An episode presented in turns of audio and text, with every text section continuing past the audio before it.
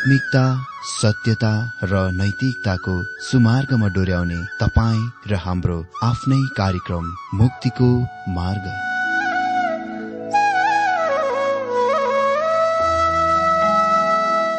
आदरणीय श्रोता यस मुक्तिको मार्ग कार्यक्रममा हार्दिक स्वागत छ।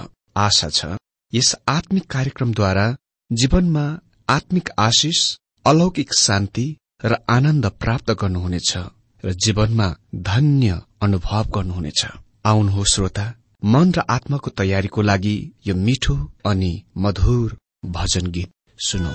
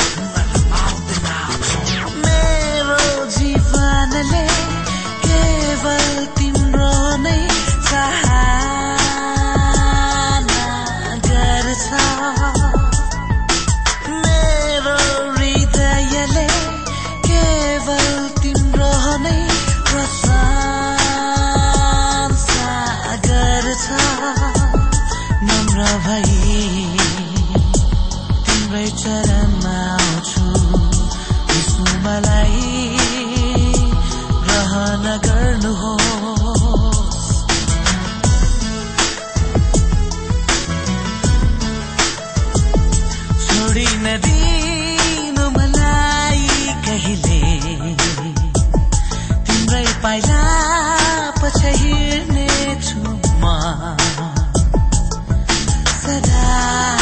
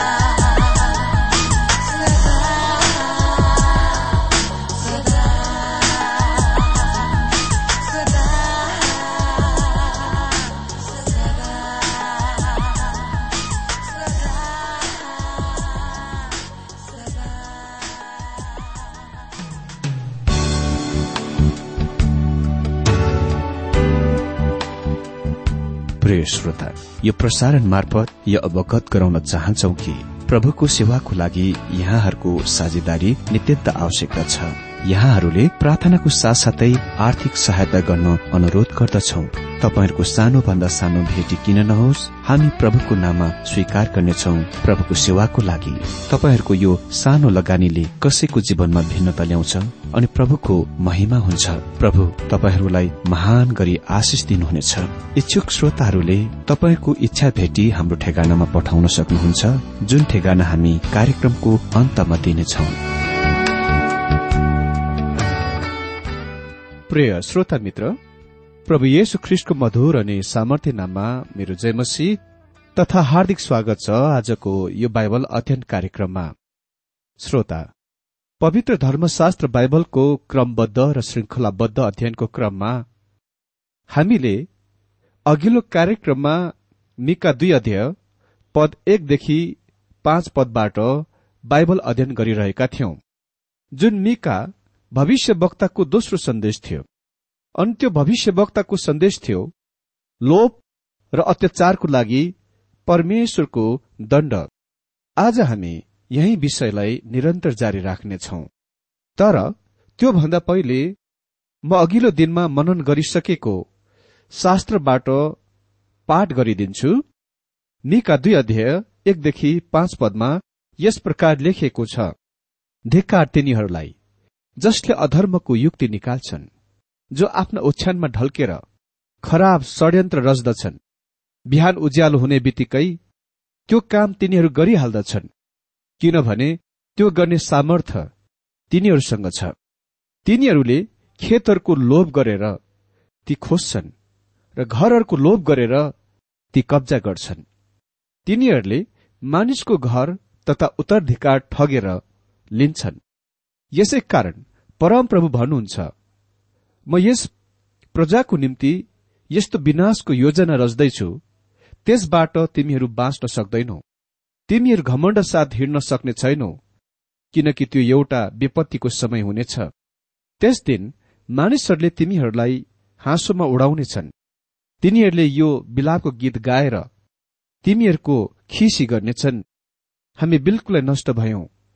मेरो प्रजाको सम्पत्ति बाँडिएको छ। उहाँले त्यो खोज्नुहुन्छ। उहाँले हाम्रा जमिनहरू हामीलाई धोका दिनेहरूलाई बाँडिदिनुहुन्छ। यसकारण परमप्रभुको समुदायमा चिट्ठा हालेर जमिन बाँडिदिने तिमीहरूसित कोही हुने छैनन्। अनि मिका दुई अध्याय छ र सात पढ्दै अगाडि बढाउ। यहाँ लेखिएको छ अगमबाडी नगर। तिनीहरूका अगमभक्ताहरू भन्छन् यी कुरा सम्बन्धी अगमबाडी नगर बेजेत हामी माथि आइपर्ने छैन। हे याकुबका घरना हो के यसै भनियोस् त? के परमप्रभुका आत्मा रिसाउनु भएको छ? के उहाँले यस्तो काम गर्नुहुन्छ र के सोझो बाटो हिँड्नेहरूलाई मेरो वचनले असल गर्दैन र? मित्र यो त्यो समय थियो जब परमेश्वरले भविष्यवाणीको आत्माको भहकाउलाई काट्नु भएको थियो। किन? किनभने मानिसहरूले त्यसको सुनेनन्। अनि त्यहाँ परमेश्वरको वचनको अकाल आयो के यी उहाँकै काम हुन्। परमेश्वरले तिनीहरूलाई भन्नुभयो कि उहाँ पनि खराब युक्ति रचिरहनु भएको छ। यसको मतलब उहाँले पनि त्यस्तो युक्ति रचिरहनु भएको छ जुन तिनीहरूको दृष्टिमा खराब छ। जुनलाई तिनीहरू खराब भन्छन् किनभने यो तिनीहरूको विरूद्ध दण्ड हुन गइरहेको छ। के सोझो हिँड्नेहरूलाई मेरो वचनले असल गर्दैन? यद्यपि सन्देश कठोर भए तापनि परमेश्वरका जनहरूले यसको ग्रहण गर्नेछन् स्वीकार गर्नेछन् र तिनीहरूले यसको आज्ञा पालन गर्नेछन्। यो भजन तेइस वा युहान चौध अध्याय जस्तो मजाको आनन्द दिने प्रसन्न गर्ने पद होइन।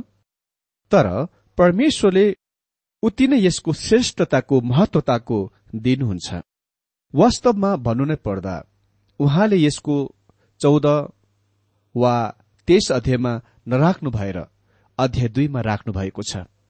त्यसकारण हामीले यसको चुकाउनुहुन्न। आठ पदमा लेखिएको छ भर्खरै मेरा प्रजा शत्रुहरू झै खड़ा भएका छन्। केही प्रभाव नगरी छेउबाटै जानेहरूबाट तिमीहरूले लडाईँबाट फर्कने मानिसहरूले जस्तै मूल्यवान खास्ट खोसेर लैजान्छौ। परमेश्वर भनिरहनु भएको छ यद्यपि तिनीहरू उहाँका जनहरू भए तापनि तिनीहरू उहाँका शत्रुहरू बनेका छन् अनि यसको एक प्रमाण चाहिँ तिनीहरूले गरीबहरूलाई व्यवहार गर्ने तरिका हो। परमेश्वरले सधैँ गरीबको लागि न्याय इन्साफको जोड़ दिनुहुन्छ। उहाँको अभियोग हो तिमीहरूले तिनीहरूका शरीरदेखि लुगा वा खास्टो लैजान्छौ। मित्र गरीब मानिस त्यही खास्टोमा शुद्ध थियो ओढेर। अर्को शब्दमा तिनीहरूले उसको ओछ्यान र विस्तारहरू खोसी लैजान्थे त्यसरी तिनीहरूले गरीबहरूलाई लुटिरहेका थिए। भनिएको छ नौपदमा मेरा प्रजाका स्त्रीहरूलाई तिनीहरूका आनन्दमय घरहरूबाट तिमीहरू निकालिदिन्छौ। तिनीहरूका बालकहरूबाट मेरो आशिष सदाको निम्ति तिमीहरू खुसी लैजान्छौ मेरा प्रजाका स्त्रीहरूलाई तिनीहरूका सुक्खा घरहरूबाट तिमीहरू निकालिदिन्छौ। यस कथनले सम्भवत असुरक्षित विधवाहरूको संकेत गर्दछ जसले आफ्ना पतिहरूबाट घरहरूको अधिकार प्राप्त गरेथे। तिनीहरूका बालकहरूबाट मेरो आशिष सदाको निम्ति खोसेर लैजान्छौ। अरू त के? बालकहरूलाई च्युत गरिए अधिकारहीन गरिए जुन परमेश्वरले तिनीहरूलाई दिनुभएको थियो। अनि तिनीहरू विद्रोहमा बढ्नेछन्। हाम्रा दिनमा जवानहरूको विद्रोह मेरो विचारमा हाम्रा निन्दा वा आलस्यबाट हामीलाई ब्यौजाउन कोसिस गर्न परमेश्वरद्वारा अनुमति दिइएको छ। अनि दश पदमा लेखिएको छ उठ गइहाल। किनकि यो तिमीहरूको विश्राम गर्ने ठाउँ होइन किनभने त्यो दूषित पारिएको छ। केही उपाय नहुने गरी यो नष्ट पारिएको छ। तिनीहरू आफ्ना समस्याहरूको समाधान गर्न र परमेश्वरसँग शान्ति र मिलापमा नभइकन आराम र विश्राममा हुन प्रयास गरिरहेका थिए।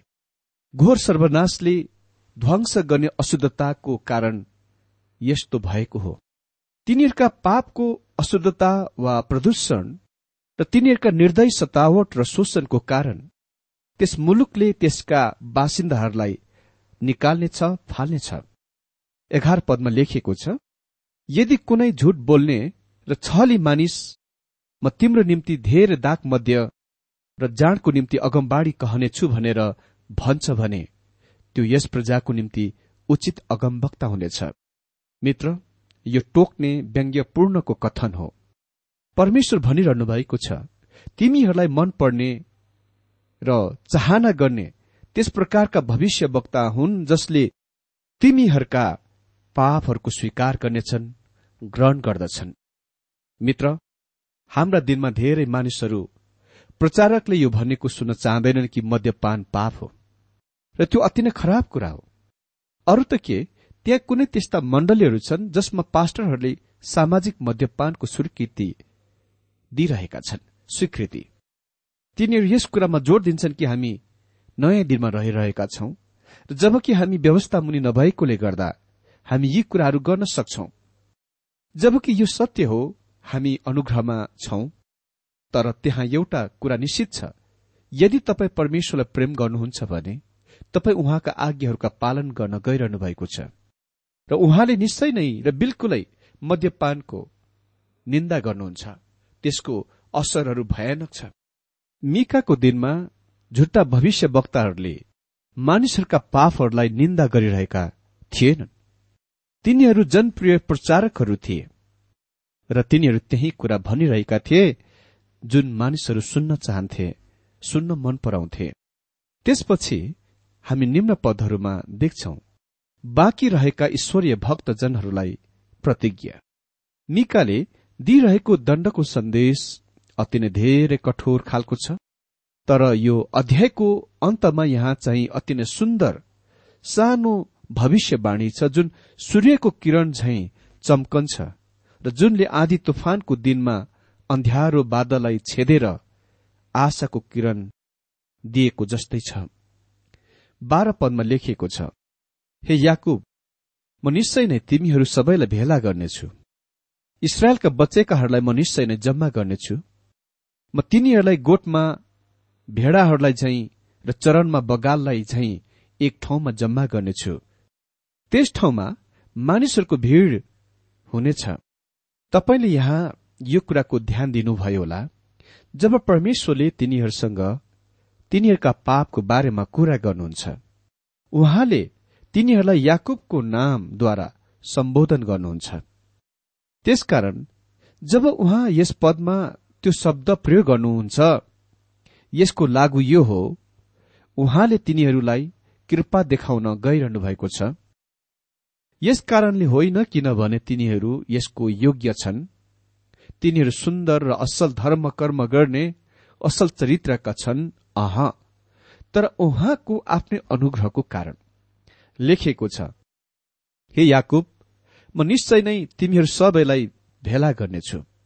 मित्र यो भविष्यवाणी बाबेलको बन्धुवा वा कैद पछि पूरा भएको थिएन। अनि यो आफ्नो मुलुकमा वर्तमान दिनमा तिनीहरूको केही संख्या आफ्नो मुलुकमा फर्किने कुरामा पूरा भएको छैन। किनभने उहाँले सबैलाई भेला गर्नुहुनेछ। वर्तमान समयमा पूरा इसरायलमा तिनीहरूका जनसंख्या भन्दा धेरै न्यूयोर्क शहरमा तिनीहरू धेरै छन्। अनि अझै त्यहाँ अति नै ठूलो संख्यामा तिनीहरू रूसमा र अरू राष्ट्रहरूमा आज पनि छन्। यसरी हामी देख्छौ कि परमेश्वरले यो भविष्यवाणी अनुसार अहिलेसम्म तिनीहरू सबैलाई भेला गराउनु भएको छैन त्यस ठाउँमा। लेखिएको छ इसरायलका बच्चेकाहरूलाई म जम्मा गर्नेछु। अहिले यो कुराको ध्यान दिनुहोस् कि बाँकी बचेका ईश्वरीय जनहरूको लागि उहाँले इसरायल नाम प्रयोग गर्नुहुन्छ।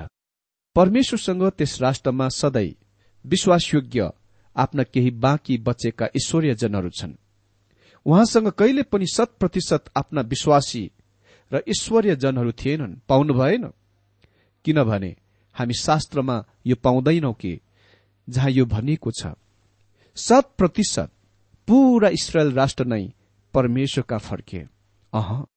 अनि यो सधैँ ती ईश्वरीय भक्तजन बचेकाहरूको लागि परमेश्वर इसरायल राष्ट्रमाथि कृपालु हुनुभएको थियो।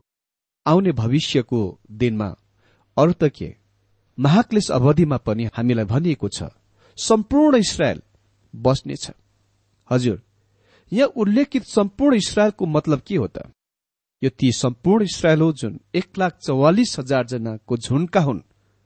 प्रकाशको पुस्तकले यो स्पष्ट पार्दछ तिनीहरूलाई छाप लगाइनेछ अनि म विश्वास गर्दछु छापको मतलब पवित्र आत्माद्वारा छाप लगाइनेछ र पूरा महाक्लेशभरि जीवित रहन सक्नेछन् तर यो खाली राष्ट्रका बाँकी बचेकाका मात्र हुनेछ त्यसो त भन्नु नै पर्दा त्यहाँ सम्भवत इसरायलमा तीस चालिस लाख यहुदीहरू र विश्वका अन्य मुलुकहरूमा सम्भवत एक करोड़ चालिस लाख छन्।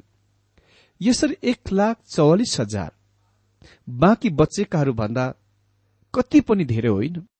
म तिनीहरूलाई एकै ठाउँमा राख्नेछु गोठमा भेडा बाख्रा र खर्कको बीचमा बथान झै। जब परमेश्वरले आफ्ना मानिसहरूलाई भेडाहरूका बथान झै एकै ठाउँमा राख्नुहुनेछ भजन संग्रह तेइस अध्ययको एक र दुई पद पूरा हुनेछ जहाँ लेखिएको छ परम प्रभु मेरो गोठाला हुनुहुन्छ। मलाई केहीको खाँचो हुँदैन। उहाँले मलाई हरियो खर्कमा सुताउनुहुन्छ। यी हल्ला गर्ने भीड़ मानिसहरूलाई हजुर यो अति नै ठूलो हल्ला यसकारण हुनेछ किनभने ठूलो संख्यामा मानिसहरू त्यस मुलुकमा फर्किआउनेछन् जब परमेश्वरले इसरायल राष्ट्रलाई तिनीहरूका मुलुकमा फर्कै ल्याउनुहुन्छ यसको तात्पर्य यो होइन कि तिनीहरू सबै उद्धार पाउन गइरहेका छन् तर यो अति नै महान क्षण हुनेछ। तेह्र पदमा लेखिएको छ बाटो बनाउनु हुने तिनीहरूका अघि जानुहुनेछ। तिनीहरूले ढोका भत्काएर बाहिर निस्किएर जानेछन्। तिनीहरूका राजा तिनीहरूका अगाडि जानेछन्। परमप्रभु तिनीहरूका अघि अघि हुनुहुनेछ। पर्खाल भत्काउने तिनीहरूको अघि जानुहुनेछ। पर्खाल भत्काउने त्यो जन हुनुहुन्छ जसले बाटोको साफ गर्दछ। बाधा विघ्नहरूलाई हटाउनेछ र तिनीहरूलाई डोर्याउनेछ। म विश्वास गर्दछु कि यसले हजार वर्षीय राज्यमा तिनीहरूका प्रवेशको संकेत गर्दछ जब प्रभु येशुले तिनीहरूलाई अगुवाई गर्नुहुनेछ डोर्याउनुहुनेछ जब उहाँ त्यस समयमा पृथ्वीमा फर्कनुहुनेछ। यस पदले उहाँलाई प्रखाल भत्काउनेको रूपमा तिनीहरूका राजाको रूपमा परमप्रभु यहोवाको रूपमा संकेत गर्दछ। परमेश्वर आजको यो बाइबल अध्ययनद्वारा हरेकलाई धेरै धेरै आशिष दिनुभएको होस्।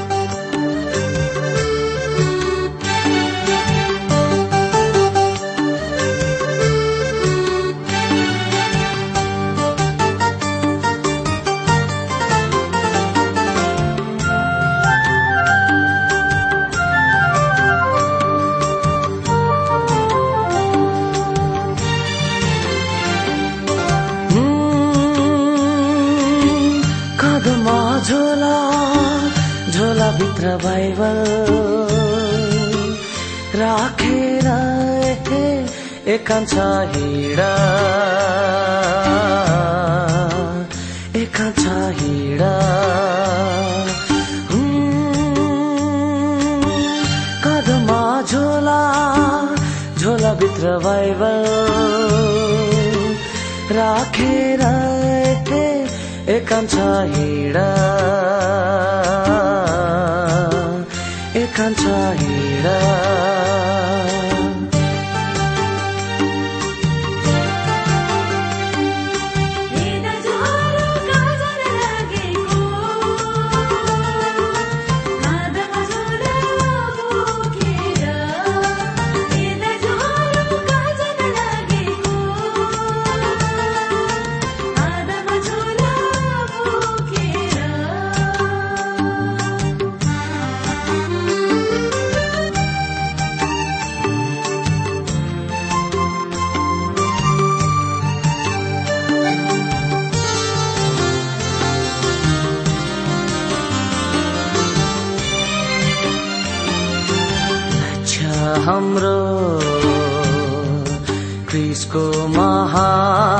ज्ञान पुरो गर्न हो लक्ष्य हाम्रो क्रिसको महान ज्ञान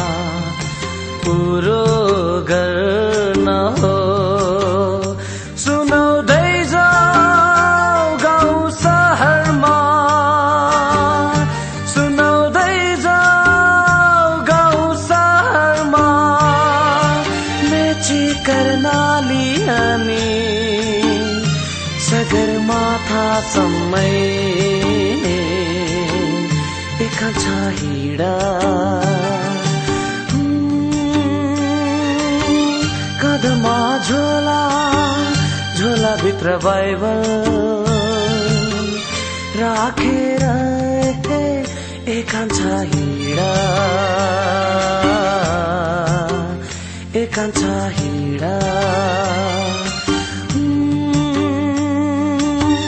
कदमा झोला झोला भित्र बाइबल। राखेर एकान्छ हिँडा। एकान्छ हिँडा।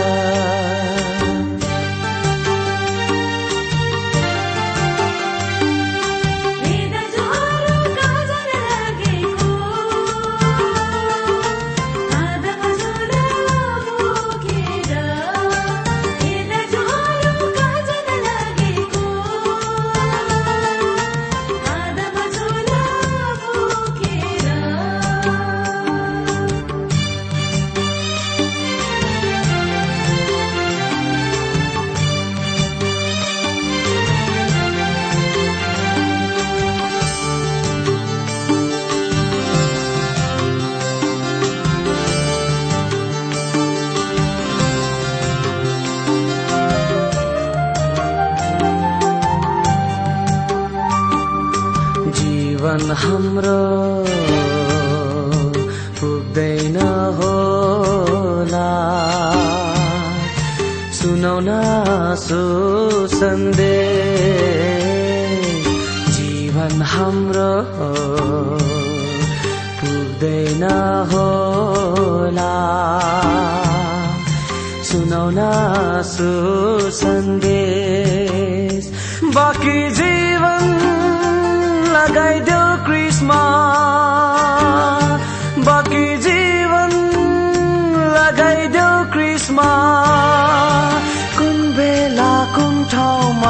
उठाइ लाने होला जीवन। एकान्छ हिँडा। कदमा झोला झोलाभित्र बाइबल राखेर एकान्छ हिँडा। एकान्छ हिँडा।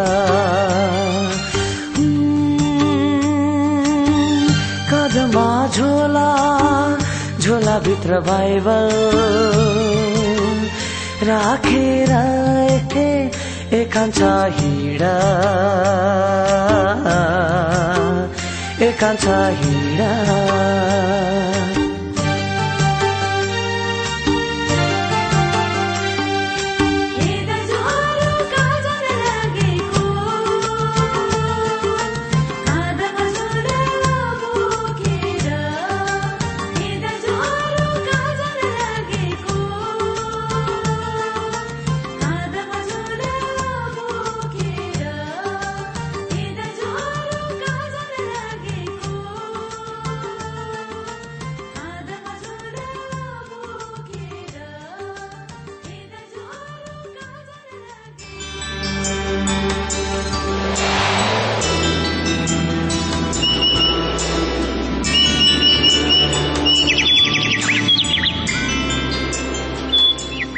श्रोता अहिले भर्खरै तपाईँले टीडब्ल्यूआर नेपालद्वारा संचालित आत्मिक कार्यक्रम मुक्तिको मार्ग सुनिरहनु भएको थियो। श्रोता आजको यो कार्यक्रम सुनेर तपाईँलाई कस्तो लाग्यो? यदि यो कार्यक्रम सुनेर मनमा कुनै खुल्दुली वा कुनै प्रतिक्रिया अर्थात सुझावहरू छन् भने हामीलाई पत्रद्वारा लेख्न सक्नुहुनेछ।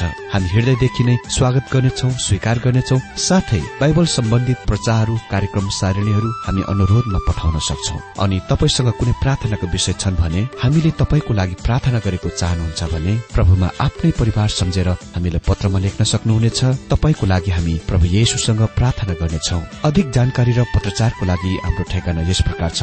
कार्यक्रम मुक्तिको मार्ग जीपीओ नम्बर उनानब्बे पचहत्तर इपिसी पच्चिस एकसठी काठमाडौँ। ठेगाना एकपल्ट सुन्नुहोला। कार्यक्रम मुक्तिको मार्ग जीपीओ नम्बर उनानब्बे पचहत्तर इपिसी पच्चिस एकसठी काठमाडौँ। हाम्रो इमेल एड्रेस हो TWR Nepal at Yahoo dot com. साथै यस नम्बरमा एसएमएस गर्न सक्नुहुनेछ।